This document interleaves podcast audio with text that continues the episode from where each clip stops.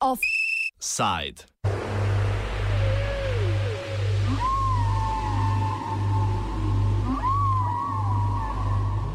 Za kite nas boli kita.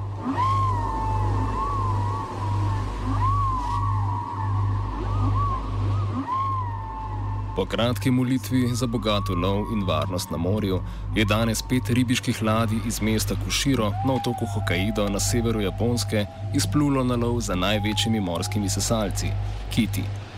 Izplutje oznanja ponovni začetek komercialnega kitolova po treh desetletjih, potem ko je Japonska včeraj tudi uradno izstopila iz Mednarodne komisije za kitolov, poznane pod kratico IVC, katere članica je bila od leta 1951.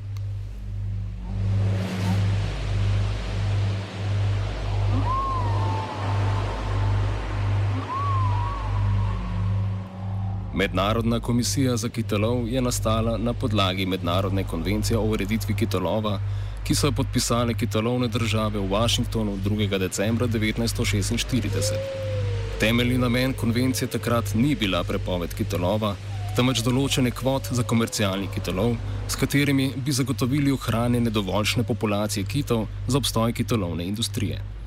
O raznolikah med današnjo in takratno vlogo organizacije Igor Bibič predstavnik Slovenije pri Mednarodni komisiji za kitolov.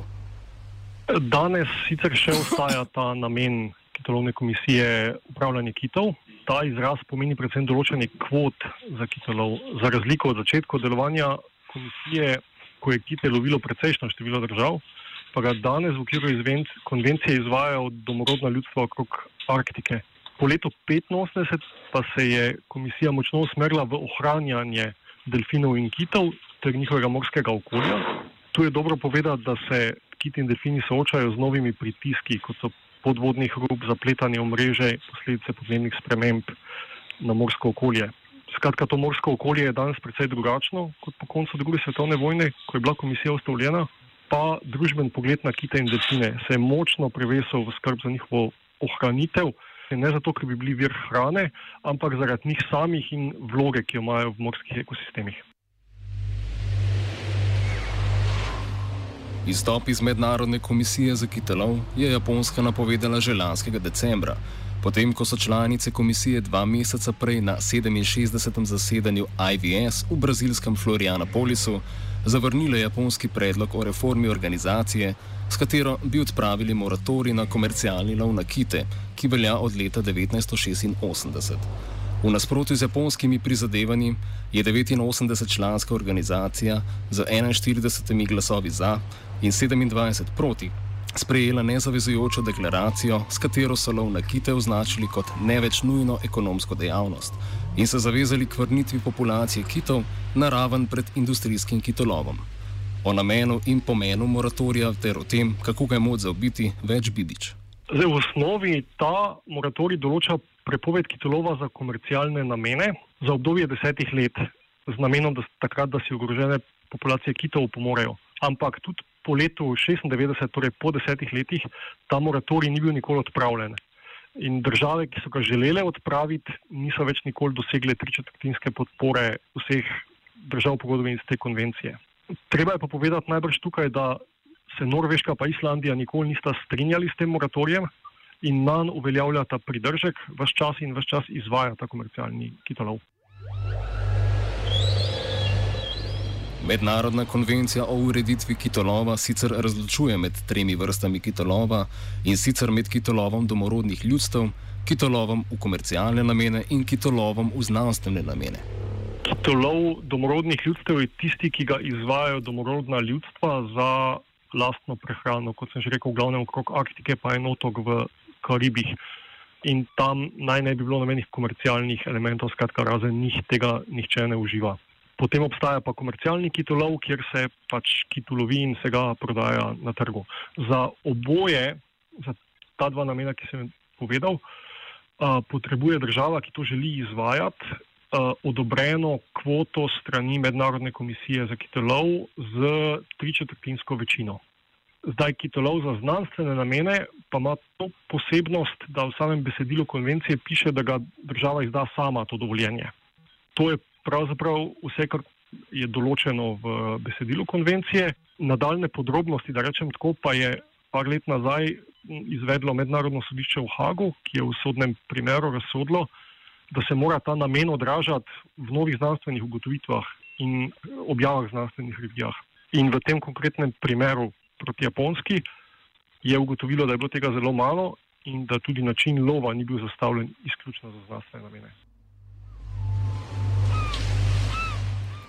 K temu, da sta konvencija in njena naslednica, organizacija kot taka brez zoba kita ali tigra, botruje tudi dejstvo, da zoper Japonsko niso bile uvedene sankcije, temveč so članice na njo apelirale skupnimi izjavami. A kot pojasni Zorana Bakovič, novinarka in dolgoletna dopisnica časnika Delo iz Kitajske, je japonska pritisk komisije vseeno dojela kot napad na identiteto naroda. Međutim, e, Japan je e, inzistiranje Međunarodne kitolovne komisije na tomu da se e, zabrane čak i onaj kitolov koji, su, koji je Japan proglašavao i stavio u kategoriju znanstvenog, odnosno ova radi istraživanja, doživio kao napad na vlastiti identitet i posebno je, je taj problem kitolova kao jedan dio svoje političke agende uzeo konzervativni e, dio e, sadašnje vlasti, odnosno e, liberalno-demokratske partije i još nekih malo konzervativnijih stranaka koji su insistirali na tome da Japan pošto poto inzistira i ostane pri tomu da lovi kitove i dalje, odnosno čak ne samo i dalje, nego da se radi čak na komercijalni lov koji je bio suspendiran cijelih 30 godina. Kitalov je sicer globoko zasidran v japonski tradiciji. Njegovi začetki segajo več stoletij v preteklost. Kitolov u Japanu ima nekoliko stoljeća e, tradicije, konkretno preko 400 stoljeća se e, lovi kit i jede kitovo meso, iako danas više to nije toliko aktualno, s obzirom da se je konzumacija kitovog mesa smanjila i to vrlo bitno i tradicionalni e, ljubitelji e, kitovog mesa misle da mladi Japanci više ne znaju ni kako se ono spravlja. E, negdje je ta potrošnja spala na 5000 tona što je e, blizu četiri puta ili deset, više od četiri puta e, manje nego što je bilo prije e, nekoliko desetina godina. Kitovo meso je nekdaj imelo pomembno mesto v japonski kuhinji in ekonomiji, danes pa njegov pomen bledi. Tudi zato, kot rečeno, gre predvsem za simbolično potezo japonske vlade s premijerom Shinzom Abejem. Kitolov je e, nekada, a to kažem nekada prije 70 godina pa i 60 godina, otprilike imao slično mjesto kao što je danas svinjogoj u Kini. Jel? Koliko god je svinsko meso za Kineze bilo bitno da iziđu iz E, da prežive, da iziđu iz siromaštva, da poboljšaju kvalitetu. Iskreno toliko je kitovo mesto bilo e, za Japance, ali to govorimo o vremenima kada je Japan bio u velikoj krizi nakon drugog svjetskog rata, kada je bio bombardiran, kada je e, u, doslovce u japanskim gradovima vladala glad, što danas više nimalo nije slučaj. Japanska kuhinja se u međuvremenu diversificirala, Japanci su, čak i što se tiče plodova mora, se okrenuli E, drugim e, zapravo izvorima proteina i kit zauzima vrlo malo mjesto unutar e, japanske ekonomije. Ovo je više jedan politički potez sa velikom simbolikom koja Japanu vraća taj tradicionalni ponos i taj osjećaj da se japanska vlada bori za očuvanje identiteta.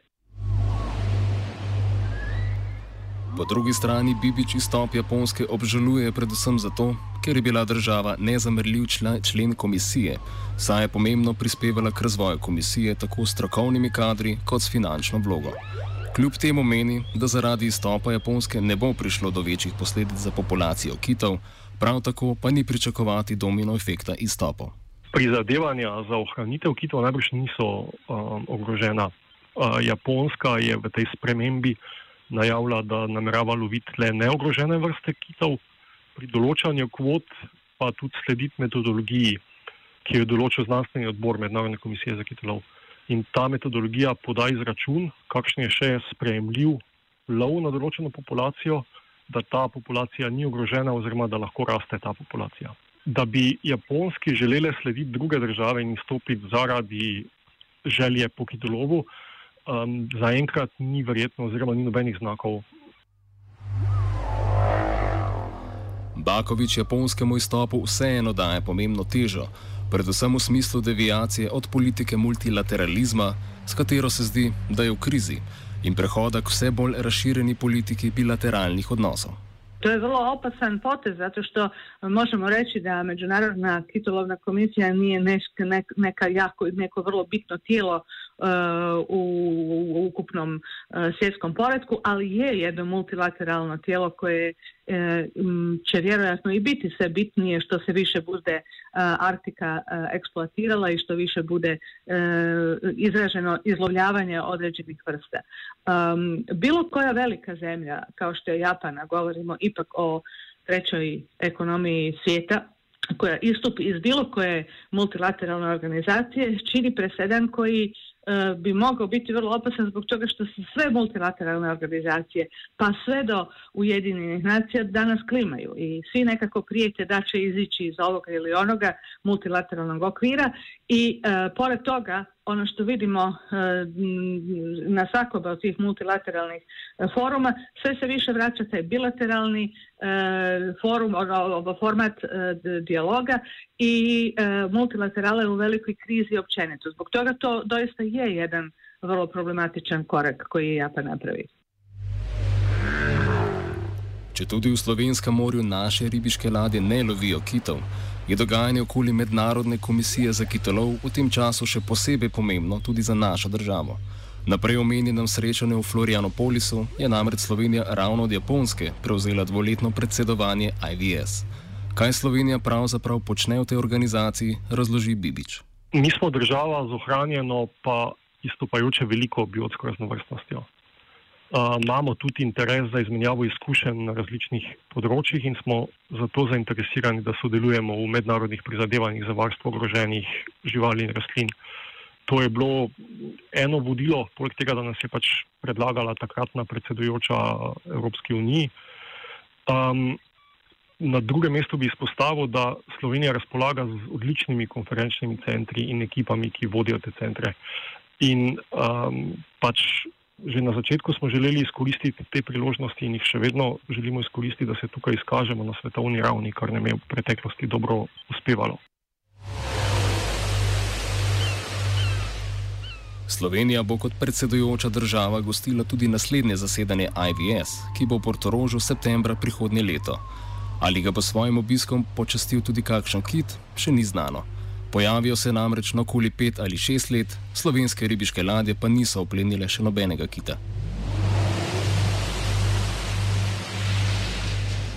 Za zaključek današnjega offsajda še premislek Bakovič, ki upozarja na diskurs, ki je padel pod vpliv globalnega aktivizma, za katerim se često skrivajo dvolični interesi mednarodne skupnosti, pri čemer tudi ICV ni nobena izjema. Možda to da je doista malo problematično do, koliko su kitovi uh, u vodama gdje Japan lovi doista ugroženi. To je isto točno i Japan se poziva na to da mnoge druge zemlje love neke druge vrste koje su puno ugroženije nego što su sami kitovi, te zbog toga uh, je problem kitolova vjerojatno malo uh, potpao pod utjecaj tog velikog aktivizma uh, globalnog koji uh, ponekad možda skreće sa teme i vraća u neku, odnosno vodi problemu u neke vode koji, koje neće voditi ničemu dobrome. Možda, možda bi s Japanom trebalo ući u malo ozbiljni, dublji dijalog o tomu zašto presta s kitolovom, odnosno kako ga regulirati i na koji način dovesti do toga da prije svega se izbjegne ta vrsta sukoba koja sa samom temom o kojoj govorimo ima najmanje veze, a to je sukob između e, nacije koja se osjeća ugroženog, koji osjeća da je identitet ugrožen i cijeloga svijeta e, namjesto da se zapravo vodi računa samo o tome koliko treba, zašto treba i da li treba ograničavati e, lov određenih životinskih vrsta. Offside je ob zvokih oglašanja kitov pripravil žiga.